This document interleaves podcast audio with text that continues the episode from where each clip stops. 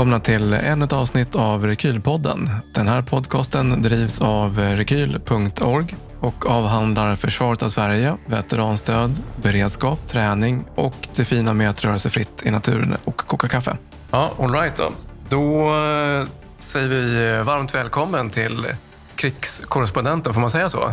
Ja, det får man väl säga, men jag brukar säga utrikeskorrespondent. För det är inte bara krig och konflikt, jag gör allt möjligt. Ja, just det. Då, vi kör på det istället. Varmt välkommen till veteranen och utrikeskorrespondenten Stefan Borg.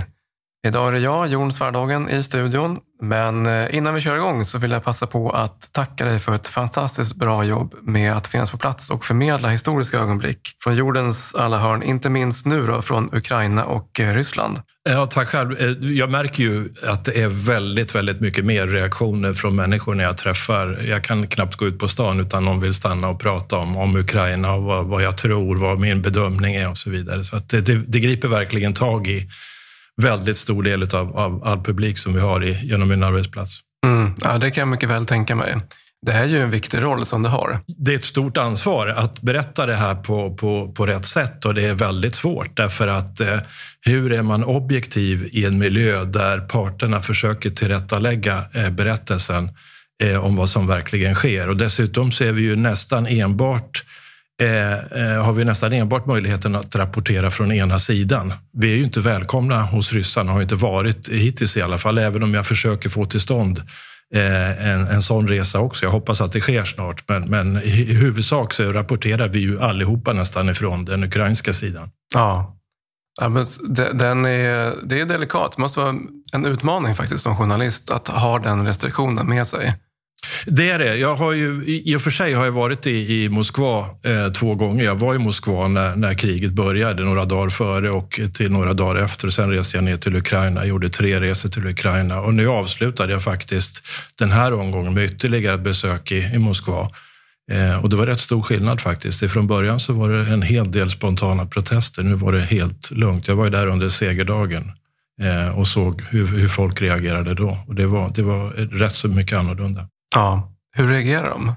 Eh, ja, spontana protester förekom ju inte överhuvudtaget. Det var någon som hade lyckats hacka en, en tv-tablå och kom med något budskap om att ni har blod på era händer för alla ukrainska medborgare och barn som har dött och sådär. Men ute på gatan var det inga protester. Däremot såg jag ju... Eh, ja, segerdagen är ju egentligen för att, att komma ihåg och hedra de som, som kämpade under andra världskriget. Eh, när Ryssland då till slut var med och, och besegrade nazisterna. Eh, men nu såg man också folk som höll upp plakat med nyligen stupade soldater som hade slagits på den ryska sidan eh, från Donbasshållet som, som de ville hedra. Och det handlar om, om personer som hade dött inom de senaste veckorna. Just det, och, och det tacklar de att det, det är okej okay att de står där med de plakaten? Ja, jag såg inga, inga reaktioner på det. Mm. Och det, och det, jag menar, det att, att föra fram den typen av, av hedrande av stupande i dessa tider i Moskva är inget problem. Jag såg mm. också många som har fordon eller såna här bumper stickers med, med det här Z-märket som ju är be, be, eh, nationsbeteckningen på, på ryska stridsfordon i Ukraina. Så det är ju ett sätt att visa stöd för att de stöttar kriget och det är ju många som gör det faktiskt. Ja, det där är speciell situation för dem när de är i en sån sits där de inte kan få in utländsk rapportering om vad som händer. De kan inte få båda sidor. Vi kan om vi vill få in den ryska sidan. Ja, alltså det går ju för, för de som lever och bor i Ryssland också att se eh, västliga eller se och läsa västliga medier om man vill, om man vet vart man ska gå. På, mm. på nätet så finns det ju fortfarande, jag tror att BBC till exempel kan man läsa en del sajter, då, sociala medier, Facebook och Instagram är blockade. Men det räcker med att man har en enkel VPN-lösning så kommer man ändå in och kan läsa allt innehåll som finns där. Mm. Eh, och sen har vi de oberoende medierna som numera då, eh, en del är ju liksom nerlagda på plats i, i Ryssland och många av de medverkande där har ju lämnat landet. Men de rapporterar ju fortfarande och då har det blivit ganska mycket rapportering genom att man eh, Eh, ansluter sig till grupper i Telegram eller Whatsapp eller den typen av, av eh, medier. Där kan man läsa den, den andra sidans berättelse av vad som händer, så att säga. Just det. Är det här någonting som de utvecklar, det vill säga de som har lämnat landet och tagit med sig sin redaktion? Är det här någon strategier det? Att de utvecklar telegramrapporteringen till exempel, att få fler att hänga med och följa de andra nyheterna? Det är i vart fall någonting som man har satsat väldigt mycket mer på. Och det här sprids ju naturligtvis bland de som är kritiska. De, de läser ju på olika sätt om vad som har hänt med de här eh, oberoende medierna som, som inte kan verka fritt längre i Ryssland, som ju är bundna av de här nya lagarna där man får inte säga att det pågår ett krig, utan det är en mm. specialoperation till exempel. Eh, eh, och, och då, då hittar man de här vägarna. Och som sagt, många av de som jobbar i de här redaktionerna, de har lämnat Ryssland. De finns i Georgien eller i, i Litauen eller andra länder. Mm. Har du märkt någonting när du varit i Moskva senast här nu, att det finns folk som vill prata om det eller inte vill prata om det? Hur, hur är det? Eh, jag skulle säga att de vill inte prata. Det, det, är nog liksom, I vart fall så har det gått åt det hållet. Därför att människor är, är rädda för att yttra sig och, och de vet att om de blir intervjuade i svensk tv och, eh, och det följs naturligtvis av ryska ambassaden eh, här i Stockholm så, så blir de också registrerade om de har sagt mm. någonting kontroversiellt. Så, så det kan skapa problem för dem. Och det är väl ett av skälen till att folk är väldigt mycket försiktigare nu mm. eh, att yttra sig och säga sin, sin eh, verkliga mening om vad som händer och sker. Mm. Har, du, har du träffat någon som har velat ska man säga, framföra den ryska bilden? Vad säger de? Ja, ja inte sådär eh, precis på det sättet ute på gatan för att folk söker, söker inte... Vi har ju legat ganska, liksom, jobbat ganska diskret. Vi har gjort i huvudsak livesändning, stått mm. och rapporterat live. Inte, eh, och det beror delvis på att jag fick inte med någon fotograf. Eh, det mm. gick inte att söka visum. Det fanns ju tidigare en överenskommelse mellan EU och Ryssland om att, att journalister skulle få visum och kunna komma in i Ryssland och rapportera. Men, men den möjligheten har tagits bort. Nu hade jag sån tur att jag hade ett visum sedan tidigare, sedan före krigsutbrottet som jag kunde utnyttja. Mm. Men min fotograf han fick inte ens lämna in eh, sin visumansökan. Så att vi, jag var i den meningen begränsad. Jag kunde inte göra jobbet precis som jag ville. Men jag kan berätta ett exempel på hur människor eh, fångas i den officiella versionen av vad som händer. Och det var i Charkiv för några veckor sedan, alltså i Ukraina där vi intervjuade en, en major eh, i den ukrainska armén som var på en gravplats och hedrade sin, eh, sin bror som hade stupat. Och han berättade då att han hade eh, kontaktat sin moster som bor i Moskva och berättat vad, vad som hade hänt med brodern. Och hennes eh, spontana svar att du ljuger, du bara hittar på. Det där är inte sant, det du berättar. Eh, hon var uppenbarligen då helt fångad av den officiella ryska versionen som faktiskt händer och sker. Eh, och, och, det var naturligtvis oerhört emotionellt och, och jobbigt för honom att, att, mötas av den attityden och frustrationen över att kunna nå ut med vad som faktiskt pågår i Ukraina. Ja, och det här är ju, vad ska man säga, man, man såg ju tecken på det här att man vill vrida historien, historieskrivningen åt ett håll genom att strypa all annan rapportering, all annan världsförklaringsbild. Så man, man såg nu att det var på väg och det har varit det man även sett i skolorna har jag sett också att det är under flera år som man förberett för det här. Mm. Så det känns som att man har haft en, en plan för ganska länge sedan och det är nu man fullföljer den här planen. Ja, om man läser den officiella ryska versionen om vad som har hänt i Ukraina, och det här har ju pågått länge, sedan 2014 när efter Majdan-revolutionen det var ju det som var vändpunkten för det hela och sen dess har egentligen den här bilden spridits av att, att det är Ukraina som har skapat hela den här situationen. Det är inte Ryssland och Ryssland har bara gått in eh, för att försöka eh, ställa allting i ordning igen. Eh, eh, och, och, så det är en helt annan version av, av, vad som har hänt. Och de hade ju hoppats naturligtvis att den förre ledaren då Janukovic skulle sitta kvar, att de kunde samarbeta med honom, att man kunde ha kvar sin marinbas eh, i, på, på Krim till exempel. allt det där. Men det blev ju en helt annan värld när, när Ukraina eh, fick en ny ledning med demokratiska val och närmade sig EU bland annat. Mm. När var du i Ukraina första gången? Eh, första gången, eh, det kommer jag inte ihåg exakt, det var något år före 2014. Det var en, faktiskt en endagsutflykt. Jag flög med, med regeringsplanet och eh, med Fredrik Reinfeldt som var statsminister på den tiden. Han, han gjorde en snabbresa över till, till Ukraina då på EUs uppdrag. Eh, men, men sen framförallt så var det ju i samband med Majdan-revolutionen. Jag var inte där under de allra blodigaste dygnen, men jag var där den natten då, då Viktor Janukovyč, alltså den, den sittande presidenten, flydde och lämnade landet in i Ryssland så småningom. Eh, och sen så har jag varit där några gånger innan det här kriget började. Bland annat under fotbolls-VM 2018 så reste jag runt i flera veckor i Ryssland och då passade vi på att resa in i, i Donbass ifrån den ryska sidan. Så att jag har sett Donbass där. Jag har varit på Krim också eh, ett par gånger. Den ena gången så körde vi in över den här nya bron som, Victor, eh, som Vladimir Putin lät eh, bygga eh, med rekordfart helt enkelt. Och, och då såg man att Krim var som en, en Eh, en, en, totalt införlivat i, i Ryssland. Det är inga gränskontroller, ingenting, utan det, det, var, det är en del av Ryssland som man ser det där borta. Just det. Hur märker man det på människorna som bor där?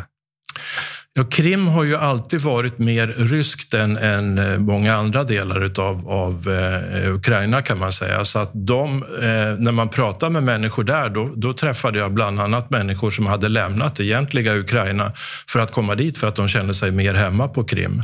Eh, studenter på ett universitet där bland annat. Och, och, och sen är ju Krim är ju eh, extremt viktigt för Ryssland för det är också i Sevastopol har man ju den här stora flottbasen som är den största militära eh, basen som Ryssland har överhuvudtaget i Svarta havet som också är en nyckel till att de ska kunna verka ute i Medelhavet, vilket de gjorde. Just den här robotkryssaren Moskva som ju sänktes av Ukraina, den låg utanför Syrien och sköt, sköt eh, kryssningsrobotar in över Syrien i, under Syrienkrigets mer, mer intensiva perioder. Så ja. det, det, Krim är verkligen superviktigt för, för Ryssland.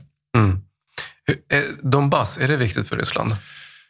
Eh, inte på samma sätt, men jag tror att det var så att efter, efter Majdan, så, om man då skulle hitta någon del av Ukraina där man kunde få stöd, så var det där man skulle börja. Eh, och sen har ju det pågått. Det har ju varit ett, ett lågintensivt krig kan man säga, ända från 2014 ända fram till det här började. Det är många som har stupat där också under det här kriget. Det talas om 10-15 000 dödsoffer i den konflikten, lågintensivt. Eh, och, och man trodde väl att om man då ska börja någonstans någonstans erövra eh, mer av Ukraina så är det i det hörnet som, som man har bästa förutsättningarna. Och, och, det är det man försöker göra nu igen efter att man har misslyckats med att ta Kiev och Charkiv för övrigt. Så är det där man försöker fokusera, men det går ju trögt där också för dem. Ja, men precis. Är du förvånad över utvecklingen på slagfältet? Ja och nej. Alltså, Redan från början så, så, gjorde man ju inte enligt regelboken. Ryssarna är ju kända för att, att förbekämpa med enormt mycket artilleribeskjutning och så innan man går in i en strid i något nytt område. Så gjorde man ju inte. Man försökte rulla in i, mot Kiev och förhoppningen att bara kunna köra dit mer eller mindre och ta det inom några få dygn. Eh, och sen gick ju inte det. Man missbedömde sin egen förmåga. Man missbedömde framförallt Ukrainas förmåga att stå emot. Eh, deras eh, stridsmoral och alltihopa plus alla de här praktiska eh, svårigheterna med att erövra en stor stad. Det är ju liksom en stad med två, tre miljoner invånare. Det är ingenting man gör liksom i en handvändning i, i, i normalt sett i ett krig. Mm. Har du hört någon ska man säga, rysk förklaringsbild till att det blev som det blev i början? Eh, no, det som, som man har sagt ifrån Ryssland i samband med att man drog sig tillbaka från Kiev, det var att nu hade man avslutat den delen av operationen och man hade lyckats i den meningen att man hade tillfogat de ukrainska eh, styrkorna, eh, eh, försvagat dem och orsakat dem stora förluster. Det är ju det man har sett av, eller hört av förklaring mm. ifrån rysk sida varför man först gick in mot Kiev och sen mm. backade ur igen. Ja, det har de ju också, men framförallt på den civila sidan har de orsakat enorma förluster. Det har det gjort, och inte bara där utan i, i stora delar utav, av Ukraina. Det är så att det, man kan säga att det är två krig som pågår parallellt. Du har, dels har du markstriden i de områden där Ryssland försöker tränga fram och ta, ta mark. Men sen har du också det här robotkriget som ju pågår över hela landet där man, det kan slå ner en kryssningsrobot var som helst som ofta skjuts ifrån ubåtar ute i Svarta havet. Så att ingen går ju säker egentligen. Om man vistas i närheten av någonting som hör till viktig infrastruktur, alltså järnvägar, broar, industrier, oljeraffinaderier, oljedepåer, eh, militära anläggningar förstås, då är man i fara eh, eh, nästan oavsett var i, i Ukraina man befinner sig. Jag tänker också, du har ju varit med på i princip alla kriser och krigsområden som har funnits, mer eller mindre i alla fall, genom åren. Hur skiljer sig Ukraina från andra ställen där det är krig? Eller? Det, det, finns ju ingenting som jag kan jämföra direkt med eh, i den meningen att här handlar det om två stora länder som, där den ena invaderar den andra. Och då, Ukraina är ett gigantiskt stort land. Det är ju mycket större än Sverige till ytan och till vad gäller befolkning också. Eh, så det har vi inte sett. Och sen är det den här enorma eldkraften. Eh, det går liksom inte att jämföra med Balkankrigen som var mycket... Det var många eh, faser i, i Balkankrigen som var ganska intensiva men inte alls i den storleken och den skalan eh, som det handlade om här.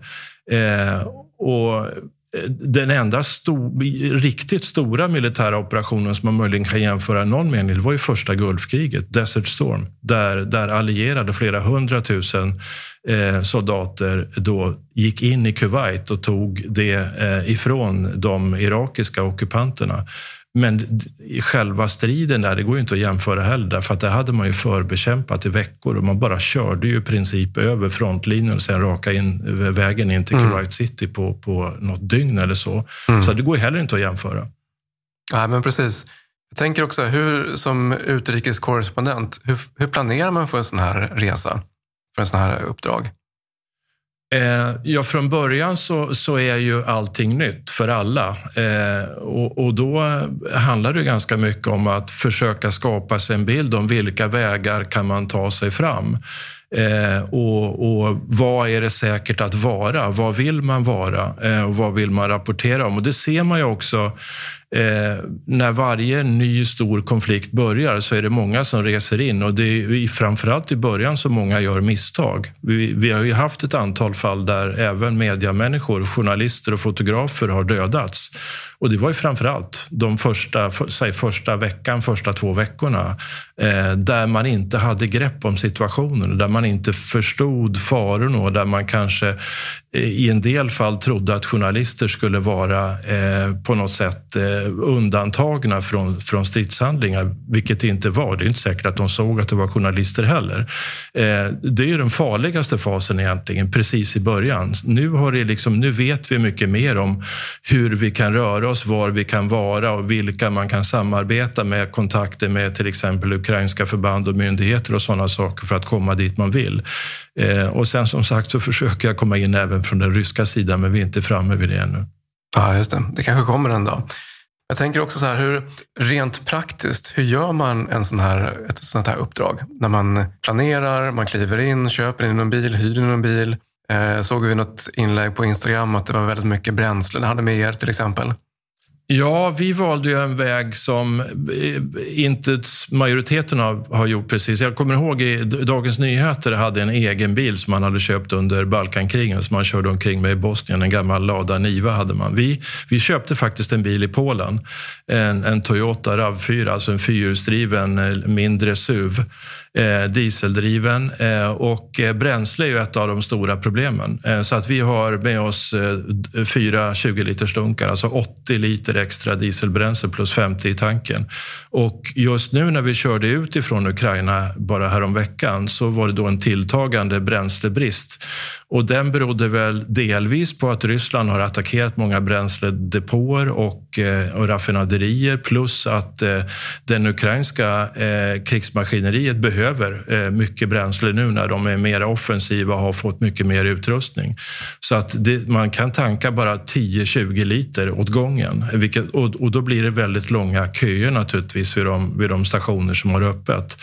Eh, men vi försöker alltid då hålla eh, så att vi har så mycket bränsle med oss i tanken och i dunkarna så att vi vid varje vald tidpunkt kan ta oss ut ur Ukraina. Eh, för sen när man är inne i Polen då, till exempel, där vi har bilen parkerad, då är det ju inga problem med bränsle. Så det, det är en sån mm. sak som tar mycket tid av oss, men som är nödvändig om man ska röra sig på det sättet. Alternativet som många har valt är att resa med tåg. Eh, och det kanske förvånar många att tågtrafiken eh, funkar fortfarande ganska bra. Det går att åka tåg från Lviv i västra eh, Ukraina till, eh, till Kiev, till Charkiv, till, till Odessa nere i söder. Det går fortfarande och många väljer den vägen istället och så jobbar man med någon lokal medarbetare, fixare som vi brukar säga, som, som kan regionen och som, som kan språket och som, som vi jobbar tillsammans med. Då kanske de har en bil eller kan ta ta fram en bil eh, som man kan åka i. Det är liksom de alternativen som finns för själva rörligheten. Just det. De här fixarna de måste ju vara ganska centrala också för att kunna röra sig säkert och veta vad man ska hur man tar sig fram, vad man ska göra? Ja, de är oerhört viktiga för oss. För de, de har ju liksom lokalkunskapen och, och, de har kontakterna, eller bygger i alla fall upp dem. Och nu är det ju extremt mycket journalister jämfört med tidigare som försöker arbeta inifrån Ukraina. Så det är inte så lätt att hitta eh, de som är, som är riktigt bra och de som är liksom erkänt duktiga. De är också väldigt efterfrågade, så att där är det konkurrens naturligtvis. Men vi har framförallt nu på sistone när vi har jobbat de senaste, jag har gjort tre resor i Ukraina Ukraina och, och två av dem har gått via Kiev till Kievområdet och Charkivområdet. Då har vi jobbat med samma fixare som vi har lärt känna ordentligt och vi, vi vet att vi fungerar bra tillsammans. Eh, och, och det, det, är en av de viktigaste nycklarna till framgång helt enkelt. Mm. Att man, att man, eh, eftersom vi kommer ju som nykomlingar till vissa av de här områdena och kan dem inte helt enkelt.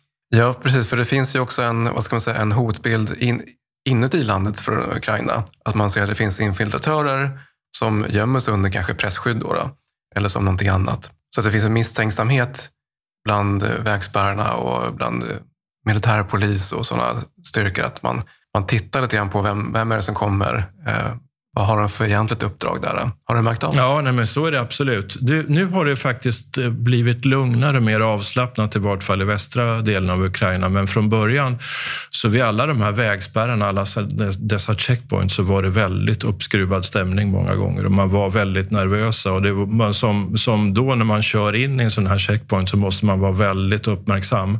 Eh, ögonkontakt med posterna, eh, dra ner fönstren, ta av solglasögon, upp med solskydd liksom bara fånga upp exakt vad vill de egentligen. Eh, och, och, många gånger så, så de vill ju öppna bilen, titta igenom vårt bagage. Vi fick ta ut väskorna, öppna alltihopa. Vi hade skyddsutrustning naturligtvis med oss. Eh, var, varför har ni det? Och så vidare. Mycket sådana frågor. Och frågan kommer alltid, har ni vapen? Eh, vilket vi naturligtvis inte har och alltid svarar nej på. Sen är det ju så att många av de här eh, vägspärrarna, en del av dem har ju liksom välutbildade soldater som står på plats. På en del ställen är det polis och då tittar de ofta också i passen och vill se in, inresestämplar och så, att man är legalt inne i landet. Eh, men en del av de här, framförallt i början, då var det ju frivilliga. Det kunde vara civilklädda personer med en jaktbössa bara, som inte alls hade någon utbildning för en sån här situation. Och som du sa, det finns mycket infiltratörer och sabotörer eh, runt om. Och det, det, det, det fanns definitivt en misstänksamhet då när man kom. Och vi gjorde också ett misstag därför att i tidigare konflikter, det vanligaste var när man vill märka en bil så att man ser att det här är median, då tejpar man med eh, tejp, stort TV, som i television. Eh, och det har liksom varit internationellt gångbara överallt. Och vi, vi satte det från början här också, till vi upptäckte ganska omgående att V är också en, vid sidan av Z, en nationssymbol för ryska styrkor. Så vi var tvungna att ta bort det. Och sen så beställde jag magnetskyltar som det står press på engelska och eh, ryska på, som vi har istället.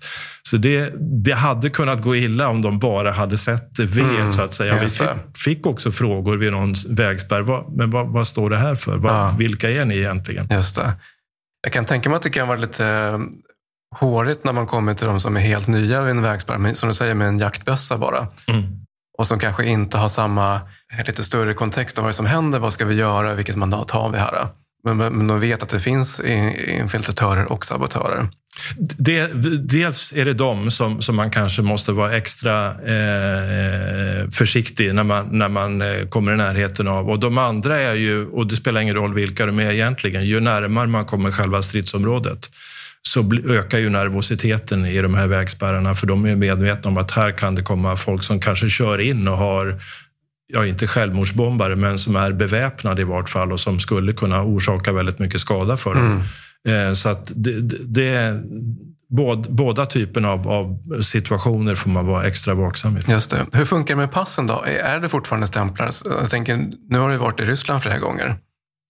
Eh, jag har ju flera pass. Eh, så att, men jag har faktiskt, nu jag reste in i Ryssland senast så hade jag ett pass med ukrainska stämplar. Men där i själva passkontrollen så är de precis som vanligt helt formella. De bara tittar på passet. Har jag ett visum? Är det utgånget eller är det giltigt?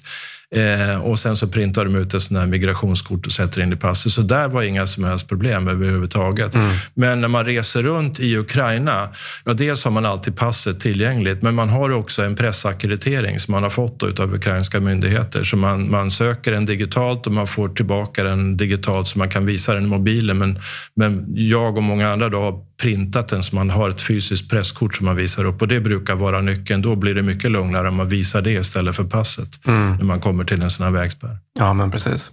Hur skiljer sig eh, stämningen där i eh, bland befolkning, vanlig befolkning som, som inte är ute och stridar från en början när du var där tills nu?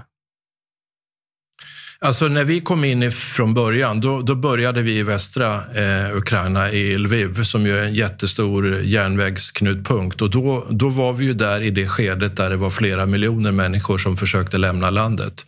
Och, och, många var väldigt oroliga och det gick flyglarm hela tiden. Folk var, var skräckslagna helt enkelt eh, och, och, ville bara komma därifrån. Nu har ju alla vant sig vid den här situationen. Att det går ett flyglarm det är inte så dramatiskt längre för, för många såvida man inte befinner sig på ett ställe som är i närheten av något tänkbart mål eller så.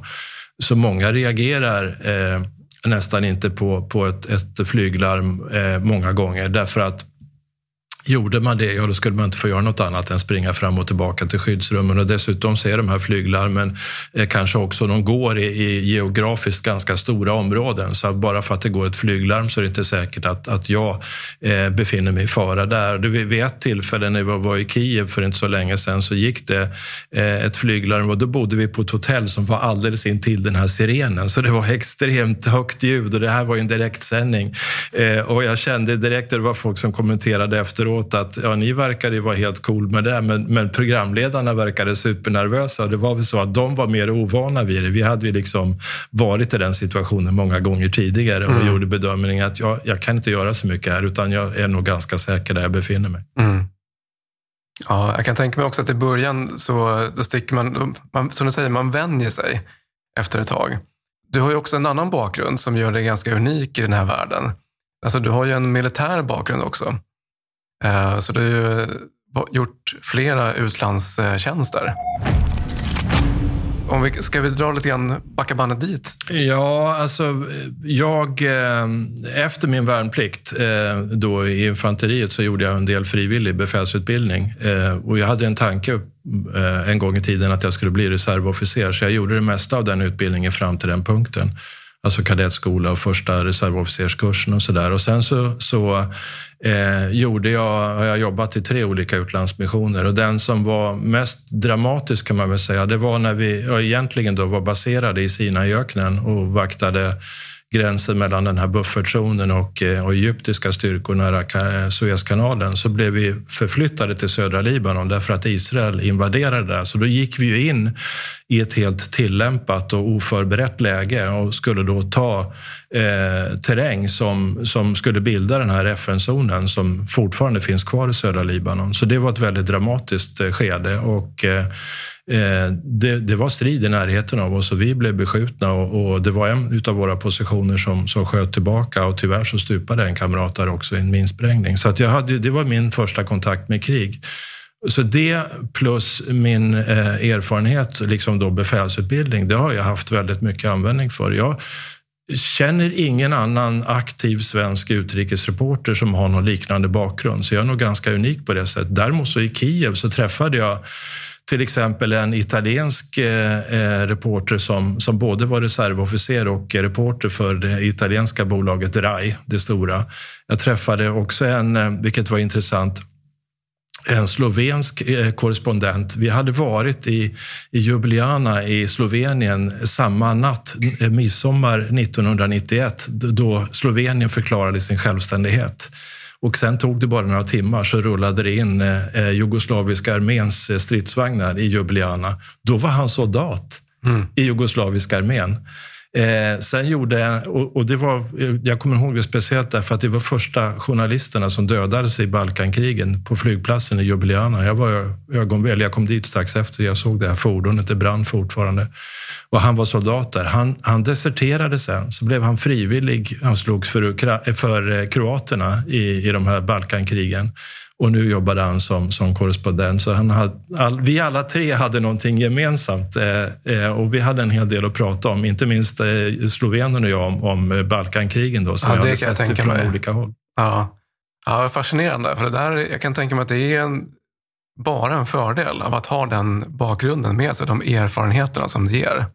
Eh, ja, det är det ju. Därför att jag har liksom fått utbildning i, i taktik och eh, motståndarkunskap och jag kan de flesta vapnen som, som en armésoldat använder. Dels de personliga vapnen men även andra vapensystem, artilleri och, och sådana saker. På vilket sätt har du kunnat dra nytta av den här erfarenheten? Eh, ja, då vet jag till exempel vad, vad, är, vad, är det som, vad är det för vapen? Vad är det för någonting vi hör nu? Är det här inkommande eller utgående artilleri som vi hör? Eh, och, och, då kan man ju försöka göra en bedömning av hur farligt det är, eh, är det här. Så får man ju naturligtvis titta på kartan hela tiden och se var, var ligger frontlinjerna någonstans? Hur långt kan vi köra fram i den här situationen? Och, eh, den erfarenheten och kunskapen gör att jag kanske i viss mån kan göra säkrare bedömningar än många andra gör som inte har den erfarenheten. Mm.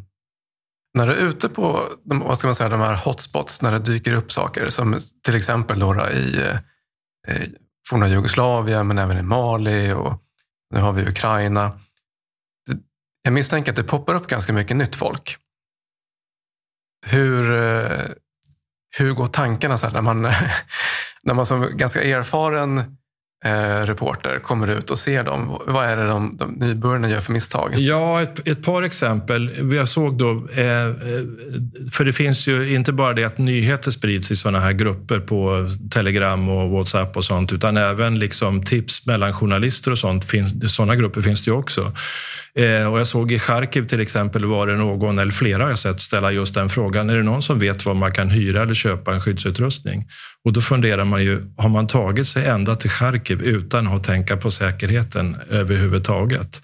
Eh, en annan sån där fråga jag ställde själv då när vi skulle just till Charkiv, är det någon som har tips på ett bra hotell, ett säkert hotell i Charkiv? Och då fick jag ett tips och så tittade jag på kartan och såg att det låg alldeles intill en, en järnvägsstation. Eh, och det var nog inte så klokt ställe att stanna på, så vi valde ett annat hotell. Det är ett par exempel bara rent konkret på, på hur man ser att människor är inte riktigt med i säkerhetstänket därför att man har inte den erfarenheten att man har gjort det tidigare. Mm. Hur fick du ditt första uppdrag som eh, korrespondent? Oj. Eh... Jag tänker, en gång så börjar man ju i karriären. Ja. Alltså jag har ju jobbat eh, nästan 30 år på TV4 och i huvuddelen av den tiden så har jag jobbat med utrikesrapportering. Jag har varit baserad i USA tre omgångar till exempel och i resten av tiden så har jag mest varit eh, Stockholmsbaserad och har rest eh, till olika platser eller suttit hemma i studio och kommenterat utrikesnyheter. Men före det så var jag på Aftonbladet i tio år. Och där var jag också korrespondent. Då var jag baserad i Berlin eh, efter Berlinmurens eh, öppnande och, och jobbade då i Östeuropa, början på Balkankrigen bland annat. Men om jag går ännu längre tillbaka i tiden så jag, jag hade ett faktiskt ganska unikt och exklusivt uppdrag på Aftonbladet. Jag, under ett års tid så följde jag Olof Palme på heltid. Mm. Eh, och sen tyvärr så blev han ju naturligtvis då mördad som alla vet och eh, då fortsatte jag jobba med den här mordutredningen och då tror jag för att de ville uppmuntra mig på Aftonbladet att, att fortsätta med det där så satte de mig eh, under några månader som korrespondent i London. Så det var första gången jag blev utlandsplacerad på det sättet. Eh, sen hade jag ju också eh, på den tiden, då eftersom jag hade jobbat inom, inom FN i Mellanöstern, så jag hade ju jobbat i, i Libanon och, och då hade jag ju bra argument för att jag ville åka till Libanon och rapportera som journalist också. Så det var väl de första ingångarna, den typen av rapportering. Just det. Ja, alltså du har ju varit med på så otroligt många ska man säga, milstolpar i historien på så kort tid. Det är lång tid, men man tänker sig vad som har hänt så har du nästan varit på många av de här och varit aktiv och rapporterat från dem. Ja, det har blivit en hel del. Eh, eh, massvis av historier att, att berätta eh, när, när man träffar människor som, som är intresserade av det. Och det är många som sagt du borde skriva en bok om allt du har gjort. Vi får se om det blir det. Om det lugnar ner sig. Jag jobbar fortfarande väldigt intensivt så jag känner inte att jag kan sätta mig ner och skriva ännu i alla fall. Nej. Vad, vad är det starkaste minne från de här äh, åren? Oj. Alltså det är ju enskilda sådana här händelser. Jag var med det var också för jättelänge sedan på Aftonbladet-tiden. Då, då eh, Ayatollah Khomeini, hans dödsfall, eh, då, då blev vi inbjudna av den iranska eh, ambassaden i Stockholm att åka ner till Teheran och, och bevaka Eh, Eh, den här begravningen utav, eh, av Khomeini som var extremt liksom spektakulär. Det var ju miljoner människor som skulle ta sig ut till den här platsen utanför Teheran där man då skulle ha den här begravningen och vi flögs ut i helikopter och jag, jag stod där på en stor sån här Vertol-helikopter. Man, man fällde ner rampen i bak och där stod vi utan säkerhetsselar och fotograferade vad som hände där nedanför oss. Och sen så tog de ner oss till den här platsen och vi var där mitt inne i den här trängseln det, som var så enorm. Det var liksom det var en sån där eh, otrolig händelse som, som, eh, som jag naturligtvis aldrig kommer att glömma. Sen av en ren slump, då var jag inte ens ute på uppdrag. Då råkade jag bli ögonvittne till Challenger-katastrofen 1986 när rymdskytten Challenger eh, eh, sprängdes eh, eh, under direkt ja. efter uppskjutningen. Så det, det varit många såna där händelser och ögonblick. Ja, jag kan tänka mig det. En som har spridit sig globalt för några år sedan. Det var, nu ska vi se, var det på Västbanken eller var det Palestina det var? När det ställde sig en tant framför dig och... Ja, eh, det var i Jerusalem, Jerusalem vid, vid klagomuren. Just det. Eh, hon gick och ställde sig mellan mig och fotografen när jag stod och gjorde en sån här ståuppa. Jag skulle berätta vad, vad vi höll på med någonting inför kameran. Då går hon och ställer sig mellan kameran Eh, och fotografen och så ropar hon på sin man som heter Herzl. Eh, och det där klippet, det, det blev, eh, det, det, spreds globalt. Det gick viralt, helt ja, klart. Så det, det, har visats miljoner gånger på, på många olika ställen i världen och jag har fortfarande faktiskt indirekt nytta av det därför att eh, jag kan säga till folk, känner du igen den här? Ja, ja, självklart. Ja, det är jag wow, är det du? Och då vill de liksom, oj, jag måste ta en selfie tillsammans med dig. Eller, ja, sådär. Så det, det är helt otroligt vilket genomslag det har. Jag kan nästan var som helst, till vem som helst i Mellanöstern, kan jag mm. visa den och de känner garanterat igen den. De har sett den så många gånger. Ja, det är fascinerande. Jag får länka till den i show notes här i podden. Ja. det var faktiskt mycket större. Inte så långt före det så, så gjorde vi en annan ganska unik grej som det var ett reportage. Vi var i, i, i Doma utanför eh, Damaskus, där i, i en byggnad där, där då det hade använts kemiska vapen. Och vi var första utländska tv-teamet som kom dit, så det blev jättestort också. Vi rapporterade då både i, i TV4 naturligtvis, men CNN och BBC och Deutsche Welle och eh, Eh, danska och finska medier och sådär. Så det var jättestort, men det var inte ens i närheten av vad, vad den här eh, ropande kvinnan eh, eh, åstadkom under den här historien. Ja, ja verkligen. Ja, det är fascinerande. Jag misstänker att du har samlat på dig tusentals med liknande såna här episoder som du vet, de här kommer du komma ihåg. Ja, nej, men det finns mycket att berätta om. Vi har ju ställt några frågor till våra följare också. Så här, vad skulle du vilja veta? Och en av de frågorna är, vilket är det bästa hotell du har bott på när du varit ute? Oj. Ja, det var en svår fråga. Eh, jag kan inte säga. Jag, jag, vet inte om jag har något sånt vi kör, Vi kör tvärtom då. Vilket är det värsta? Ja, vi har ju tvingats sova i bilen många gånger därför att det inte har funnits något hotell i närheten. Vi, senast vi gjorde det var, vi var nere i Louisiana, eh, den här orkanen Aida.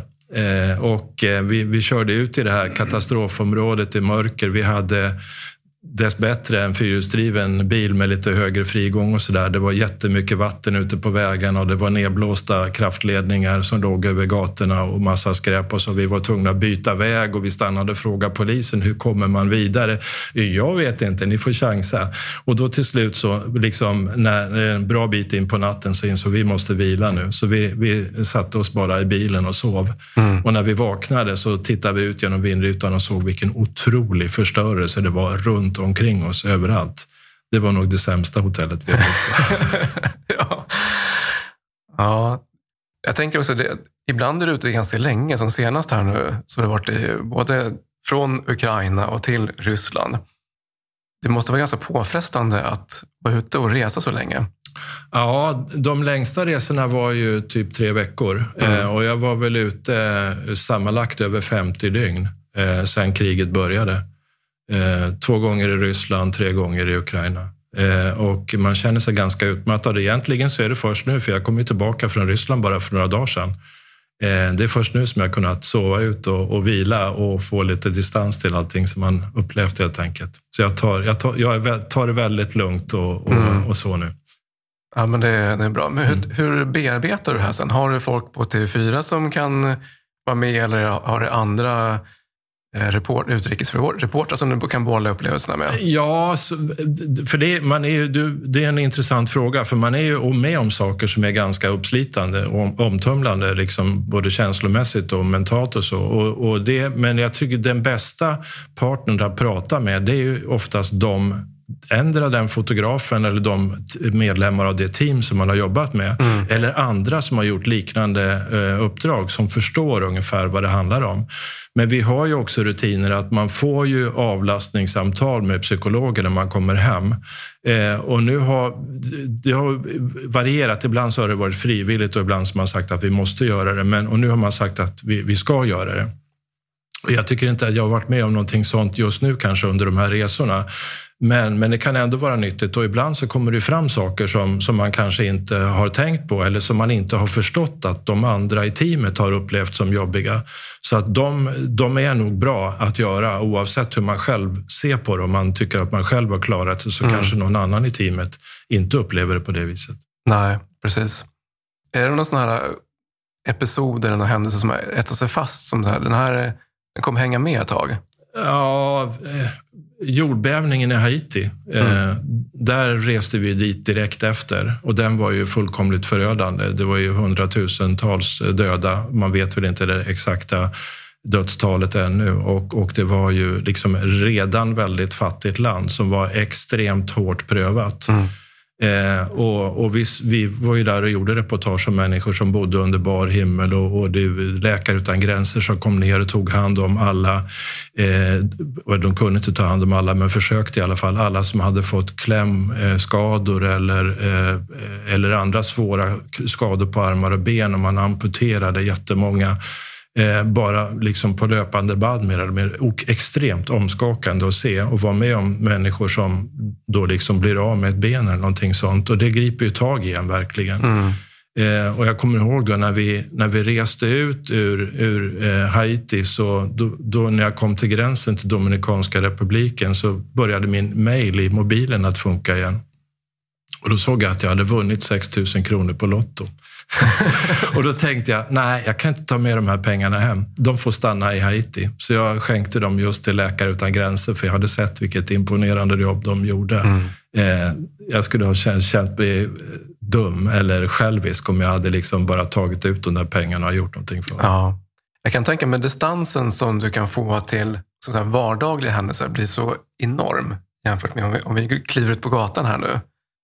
Så har folk en helt annan verklighetspreferens än vad du har. Ja, men så är det. De, de flesta kan ju inte ens föreställa sig det man har varit med om. Men vi har också fått mycket reaktioner, inte minst nu i Ukraina, där, där tittare hör av sig. Hur kan vi hjälpa? Till mm. exempel. Och vi gjorde ett reportage om en, en man, en IT-tekniker som kommer från Irpin utanför eh, Kiev. Som hade, han hade stannat hemma medan resten av familjen flydde. Han ville vara kvar och se efter huset och husdjuren och så. Mm. Och han drabbades av eh, då en skada, en granat som slog ner nära honom och han, han förlorade ena benet. Och då hörde folk av sig, hur kan vi hjälpa honom? Mm.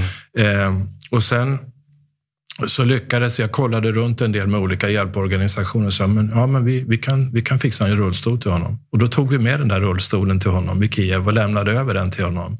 Och hans glädje då, den, den var så otroligt stark. Ja, och, och, den känslan ja. hos oss också, att man, att man kan hjälpa rent fysiskt när man kommer. För att, ja. ja men vi kommer ju med en mikrofon och en kamera. Det hjälper inte folk i allmänhet sådär på kort sikt i alla fall. Nej. Men där kunde vi rent fysiskt göra nytta mm. för honom och hans familj.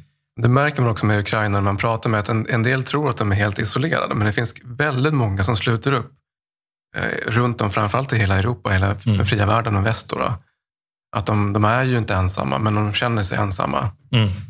Ja, nej, men det finns ett otroligt engagemang och det, det är det jag märker också när jag kommer hem nu och går ut liksom i, i Stockholm och folk stoppar mig hela tiden och frågar mm. hur orkar du och vad, hur är det egentligen och vad, vad kan man göra? Och mm. Folk är väldigt engagerade. Plus att det naturligtvis då har skapat en hotbild mot Sverige också som de är nyfikna på. Vad tycker du? Ska vi gå med i Nato eller ska vi inte gå med i Nato? Vad kan hända Sverige? Och alla sådana där frågor som man får. Så att jag har aldrig varit med om tidigare eh, någon rapportering där det har gripit tag så mycket i hemmapubliken mm. som här när man kommer tillbaka. Ja, det är liksom det... inte slut när, när jag kommer hem, utan det fortsätter. Ja, men så är det. När vi spelar in det här, det är 17 maj. Idag skriver vi officiellt på ansökan till Nato. Eh, man, man ser flaggen utanför slottet, det är svenska och finska flaggor och det är fullt av eh, polisavspärrningar där. Så det är ju en historisk tid. Vi har liksom aldrig haft det så stökigt sedan andra världskriget i Sverige. Mm. Eh, och inte i Europa heller för den delen. Nej, det, det är det inte. vad som slår mig bland annat, vilken vilken otroligt stark gemensam, eh, gemenskap man ser nu mellan Sverige och Finland mm. som har uppstått på ett helt annat sätt än vi har sett tidigare. Att vi har en gemensam sak och, och att båda har liksom i väldigt snabb takt gått framåt i samma riktning för att fatta det här oerhört svåra men också dramatiska och viktiga beslutet för, för vår framtid. Ja, det är, det är verkligen milstolpar efter milstolpar som eh, passeras här nu. Men, men tillbaks till eh, Ukraina och liksom alla de här, det, det, blir intensivt. Och du fick frågan, hur orkar du? Och då ställer den, hur orkar du? Därför att jag tycker att det här är eh, det viktigaste uppdrag man kan ha som journalist. Att försöka beskriva och berätta eh, vad som händer för att ge eh, våra tittare och all annan publik som man kan få Eh, en så rättvis bild som möjligt av vad som händer och sker. Därför att vi vet ju att de är engagerade och är väldigt viktigt för dem. Problemet är bara att vi kan inte vara på alla sidor, men jag hoppas också snart komma in på den ryska sidan och kunna berätta därifrån. Vi jobbar faktiskt på mm. Vad tror du att du kommer möta när du kommer till den ryska sidan? Eh, ja, där, är, där är, blir det ju mera tillrättalagt eh, än, än på den ukrainska. Jag ska inte säga att ukrainarna är helt öppna och, och ärliga och uppriktiga i alla, eh, alla fall heller, därför att man kan ju inte lita på några siffror egentligen som kommer som handlar om om antal eh, döda, skadade eh, eller, eller, eller tillfångatagna soldater eller någonting sånt. Det, inga sådana siffror kan man lita på. Och jag tror att det är ännu mycket mer styrt på den ryska sidan. Det vet vi ju.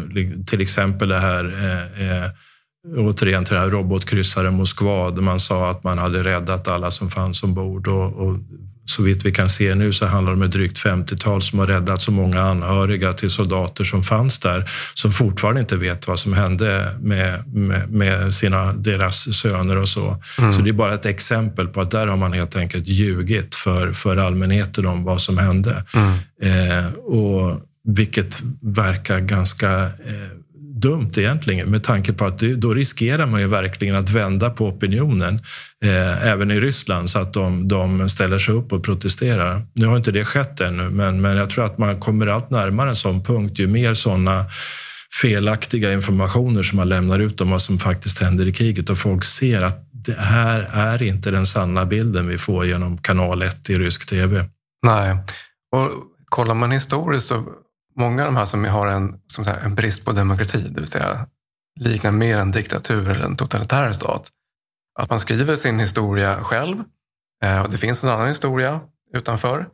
Men man trycker ner den. Man, som det har hänt nu de här senaste veckorna och månaderna är att mängden information som inte stämmer har blivit så enorm. Så menar, en vacker dag så måste den här komma ikapp. Historien måste komma ikapp. Ja, det är otroligt mycket eh, siffror och andra uppgifter som måste verifieras mm. och, och, och, där vi måste få veta vad som faktiskt egentligen hände och alla krigs, påstådda krigsförbrytelser. Och, och, det finns ju garanterat sådana också, det vet vi redan, det är dokumenterat. Men att få hela, få hela sanningen om vad som faktiskt hände i de här områdena dit vi inte kan komma in och där bara mm. parterna finns och där de försöker tillrättalägga eh, och själva beskriva eh, en verklighet som, som in, oftast då inte stämmer med vad som faktiskt har inträffat. Mm. Vad, vad, tror du om du blickar fram? Hur, hur kommer det här spelas ut? Ja, det är väldigt svårt att säga. Det är, det är väldigt svårt att säga hur, hur lång tid den här konflikten kommer att pågå. Jag tror att den kan, det, det skulle kunna bli så att det stannar av lite grann nu därför att Ryssland har inte resurser att, att tränga fram särskilt mycket längre. Och då kan man gå tillbaka kanske till ett läge som påminner om det som var före kriget att man har frontlinjer och att man har en lågintensiv eh, situation men, men där det kan komma nya eh, anfall in och försöka ta, ta Ukraina igen. För syftet för, för Rysslands sida det var ju egentligen att man ville ta över. Man, man ville ju frånta president Zelensky sin, sin post och, och själva styra hela landet. Så där är man ju säkert inte nöjda. Det gör att det finns ju många osäkerhetsmoment liksom, osäkerhet om vad, vad kommer att hända egentligen och hur lång tid kommer det här att pågå. Mm. Eh, det är jättesvårt att, att, eh, att säga vad, vad som kommer att ske och när och hur. Ja, Nej, men för det, den situation som de har satt sig i, ryssarna, är ju de, de har spänt bågen ganska rejält. Så ambitionsnivån som du var inne på, den är ju att ta över i princip hela Ukraina. Vilket Ukraina inte vill. Så att, men den, att hitta en lösning däremellan, jag, mäckigt att se hur den skulle kunna se ut faktiskt. Ja, förr eller senare så kommer man väl antagligen till någon form av förhandlingar och frågan är då vad är realistiskt att, att respektive sida kan nöja sig med i en sån förhandling. Mm. Eh, nu, nu tror ju Ukraina och en del utomstående bedömare också att Ukraina skulle kunna vinna kriget i egentliga Ukraina, kanske ta tillbaka även hela Donbass. Det återstår ju att se. Men vad gör man med Krim? Det är mm. liksom mm. lite annat läge. Jag har tidigare när folk har frågat mig så tror jag att nej, Krim är nog förlorat mm. Eh, för Ukrainas sida eftersom det är så rys, eh, ryskdominerat sedan tidigare. Och det var en del av Ryssland för övrigt för inte så länge sedan, mm. 1954 som Chrusjtjov flyttade liksom det till, till Ukraina, vilket inte hade någon praktisk betydelse då för alltihopa var Sovjetunionen. Men det finns ju mycket sånt bakåt i tiden som man hänvisar till. Eh, så det, ja, det är svårt att, bedöma. Ja, verkligen svårt. Vi har lite fler såna tittarfrågor, eller följarfrågor. Vad har du för fälttips när du är ute? Tänker du på utrustning och sådana ja, saker? Precis. Jag, jag har ju i princip mina väskor alltid packade. Eh, så det, det, enda som jag byter egentligen, som jag eh, då från resa till resa, det är ju mer kläder beroende på väder och temperatur och sådana saker. Men jag har ju alltid med liksom en påse med såna här, eh, någon multifunktionskniv, eh, multiverktyg. Jag har en, en, en pannlampa, eh, campingbestick, en kåsa, en sovsäck finns alltid med numera. Man vet aldrig var man kan hamna och sova någonstans. Man vill ha bra kläder mot, mot regn och dåligt väder. Eh, massvis av sådana där saker som, eh, som underlättar och som gör att man kan klara vilket väder och vilken temperatur som helst egentligen. Eh, nu har vi en bil som vi kan sova i, annars hade man kanske haft med någon eh, tältsäng eller någonting. Ja, det har vi faktiskt också eh, mm. tillgång till som vi kan ta med. Eh, för att man ska kunna sova egentligen var som helst, kanske till och med utomhus om det behövs. Ja, det. Även om man helst vill undvika det, beroende, man, ja, man vet ju inte vilka som rör sig i området och så där i närheten. Mm. Men... Hur väljer du eh, fotografer? Eh, I det här, eh, de här resorna till Ukraina så eh, reste jag tillsammans med en fotograf som jag träffade för några år sedan på en, en sån här säkerhetskurs inom Försvarsmakten. Ehm, som är då en kurs för journalister som jobbar i, konfliktområden. Där lärde vi känna varandra. Så vi, vi gjorde den första resan tillsammans. Och sen har det blivit två till. Och, och det, där, det handlar ju väldigt mycket om eh, när man reser på sådana här ställen så måste man ha ungefär samma inställning till, till jobbet, samma mindset och, och, och personkemi och sånt. Och vi, jag kände direkt, eller det gjorde vi väl båda två, att det fungerade bra. Eh, eh, så därför har vi fortsatt. Det, mm. Vi har, har kört alla tre de här resorna tillsammans nu. Annars har jag ju liksom jobbat med, och det är ju, han är Pablo Torres heter han, men han, han är ju frilans då. Eh, annars har vi andra fotografer på TV4 som jag också har gjort liknande jobb tillsammans med tidigare, där man också vet från början att det här fungerar, för vi har samma inställning till jobbet. Man vet att man klarar påfrestningar. Det blir ofta väldigt intensivt arbete, inte minst nu mera där det är så mycket live-medverkan. Alltså från tidig morgon till sen kväll och sen ska man dessutom spela in reportage och man ska hitta en lucka och äta mat. Och det, men det är liksom det, det, det är dygn som ingen, eh, ingen liksom arbetstidslag skulle vara ens i närheten av att tillåta. Det, så blir det ju. Det blir ja. väldigt intensivt. Ja, man, jobbet ska göras, så att säga. Man får lägga in timmarna mm. som behövs. Jag kan tänka mig men det, det kan också bli för dig kan jag tänka mig att det är också en livsstil. Alltså du har kommit in i det, men du har varit inne i den här världen så otroligt länge att du har blivit van vid det. Ja, nej, men så är det ju. Eh, det, absolut. Man känner igen väldigt mycket av, av Eh, av de moment man hamnar i och hur man gör det. Och dessutom så träffar man, när man kommer ut till sådana här platser, så träffar man människor som man har träffat sedan tidigare, som har samma inställning och samma erfarenhet, som gör samma typ av jobb. Så att det finns väldigt, alltid väldigt många gamla goda vänner som man stöter på när man kommer till den här typen av områden. Och det är inte alltid nödvändigtvis journalister, utan det kan ju vara människor som jobbar i olika hjälporganisationer och sånt också, mm. som har ungefär samma inställning till vad vi ska göra när vi är ute i ett sånt här område som är komplicerat att arbeta i. Just det. Det är kanske är en, en människotyp som dras till den här typen av jobb? Jag tror, att, jag tror att det kan vara ganska mycket så faktiskt. För man, man pratar med dem också som inte är journalister men som reser i sådana här områden så har man ungefär samma inställning och samma erfarenheter och, och samma vilja att, att eh, göra det jobb som, och, som man själv har fått i uppdrag att göra. Jag kan tänka mig också att det blir någon form av kall. När man vet hur, vilken vikt det har det jobbet man gör, både som hjälparbetare och som journalist. Mm. Att man kan liksom inte låta bli att vilja fortsätta göra det. Nej, men så är det. Men jag, jag känner direkt att när vi har en ny sån här situation, ja, men jag, jag vill åka dit. Jag vill göra det jobbet. Mm. Eh, och jag vet hur jag ska göra. Ja, det är få förunnat verkligen. De som är nyfikna på att också ge sig ut och rapportera ifrån olika oroshärdar. Då kanske vi inte tar London och Berlin och sådana här, men utan vi tar där det är lite hett om öronen. Vad ska man tänka på som ny journalist?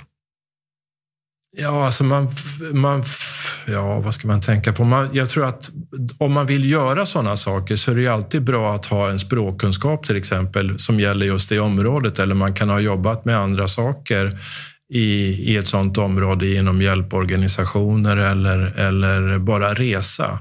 Eh, en resvana och kunna ta hand om sig själv eh, eh, oavsett om det nu hamnar, handlar om att man kommer i, i extrema miljöer i naturen eller någonting sånt eller om det är i, i, i främmande kulturer. Eh, det hjälper ju jättemycket. Om man naturligtvis att man har ett intresse eh, av att göra det och lära sig mer om, om den plats, den region där man befinner sig, lära känna människor, prata med dem, att försöka förstå hur, hur det fungerar där. För att det skiljer ju så väldigt, väldigt, väldigt ofta väldigt mycket mot hur vi har det här hemma i Sverige. Mm, helt klart. På en del ställen så blir det som ett gäng kluster som är kanske är på en ganska säker plats. Jag tänker som Lviv till exempel. Där folk samlas och man delar historia. Men så finns det också ganska många som du till exempel som sticker utanför de här klustren. Och det märker man på nästan alla sådana ställen att det, det finns en safe zone där alla hänger och där man delar historier. Men många stannar ju där, men inte alla. Ja, jag tror att det, Lviv till exempel har ju blivit en sån plats, en, en, en stad där många har sina eh, en större redaktion, om vi pratar om media då, där man kanske sänder ifrån den platsen. Då tänker jag framförallt på de stora internationella alltså BBC och CNN och så, mm. för de tar ju dit människor från, från sina hemmaredaktioner i USA och Storbritannien och har väldigt många team ute samtidigt. Och då har de som en, en större bas på den platsen. Nu tror jag, kan jag tänka mig att de flyttar också, för att nu är Kiev eh, säkert på ett helt annat sätt än det var från början. Så det kanske kan ta över delvis. Men Lviv är också bekvämt för många därför att det ligger ganska nära den polska gränsen och det är lätt att ta sig dit och därifrån. Eh, så det är väl ett skäl. Men, men det är ju inte där som den stora händelseutvecklingen är egentligen, bortsett från att det även där har skett en del attacker mot, mot eh, järnvägsanläggningar och bränsledepåer och sådana saker det, det, är mer isolerade händelser, utan vill man följa själva händelseutvecklingen då åker man kanske till, till Kiev eller Charkiv eller, eller någon annanstans som ligger närmare själva stridszonen. Mm. Just det. Ja, det bra erfarenheter att kunna ta med sig till det här. Att, eh, ska man ta, har du tagit rygg på dem? Är det, ser att folk tar rygg på andra när de sticker iväg och liksom, ska man säga, vidga sin vy lite grann som journalist? Ja, jag vet inte exakt vad du syftar på, men jag kan säga en sak om, om när, när man träffar andra som jobbar. Och då, och då det finns ingen konkurrens eh, om hur man gör och på vilken plats och så vidare, utan där kan man ju samarbeta ganska mycket över redaktionsgränser eller med medier som man ser som konkurrenter till och med och dela information. Hur gör jag när jag reser dit, till det området eller ska vi kanske rent av resa tillsammans? Sådana saker. Mm. Eh, där finns det ganska mycket samarbete på ett sätt som man inte ser kanske i andra sammanhang där det är enklare förhållanden att arbeta i. Men här ute då, då handlar det om, nu senast när vi var i Charkiv till exempel, så hade jag kontakt med Dagens Nyheter om eh, var bor ni, hur gör ni och så vidare. Eh, det är ganska vanligt att den typen av samarbete över redaktionsgränser sker eh, på ett sätt som man inte ser på andra håll. Så att säga. Ja, just det. Och det kanske är nästan en överlevnadsinstinkt också, att man man försöker dela med sig för att det, det, är inte så många som är ute. Nej, och det handlar ju om säkerhet mm. eh, till stor del. Liksom, hur gör man och hur man håller kontakten. Och, och så det, det sker ganska mycket sådana kontakter och utbyte av information, så mm. platser och kontakter och, och, och annat. Mm. Ja, fantastiskt. Det, vi skulle kunna snacka i timmar. det kanske blir ja. dags att runda av. Jag tänker ja. så här, eh, vem skulle du vilja se framgent här i Rekylpodden? Oj, ja, det har jag inte ens tänkt på. Eh, det vore ju intressant att kanske höra från någon som har varit i de här miljöerna också, men haft en helt annan roll. Eh, att berätta om hur de ser på det från, från sin sida. Mm. Det kan vara ett sånt exempel. Mm. Det kanske var, ja, det var, jag var oförberedd för frågan, ja. men det, det kan ja, vara en sån möjlighet. Absolut. Ja, nej, men intressant. Stort tack för den här mm. gången. Det har varit en ära att ha med det här faktiskt. Och kul att höra dina erfarenheter.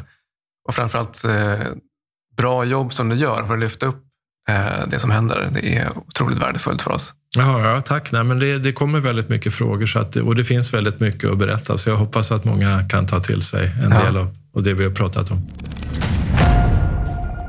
Passa på att eh, prenumerera på podden och tveka inte att ge den betyg, vilket gör det enklare för andra att hitta hit också. Eh, länkarna från avsnittet hittar du i show notes och oss på Rekyl hittar du på rekyl.org. Och till sist, se till att öka din handlingsfrihet genom att ge dig ut och träna.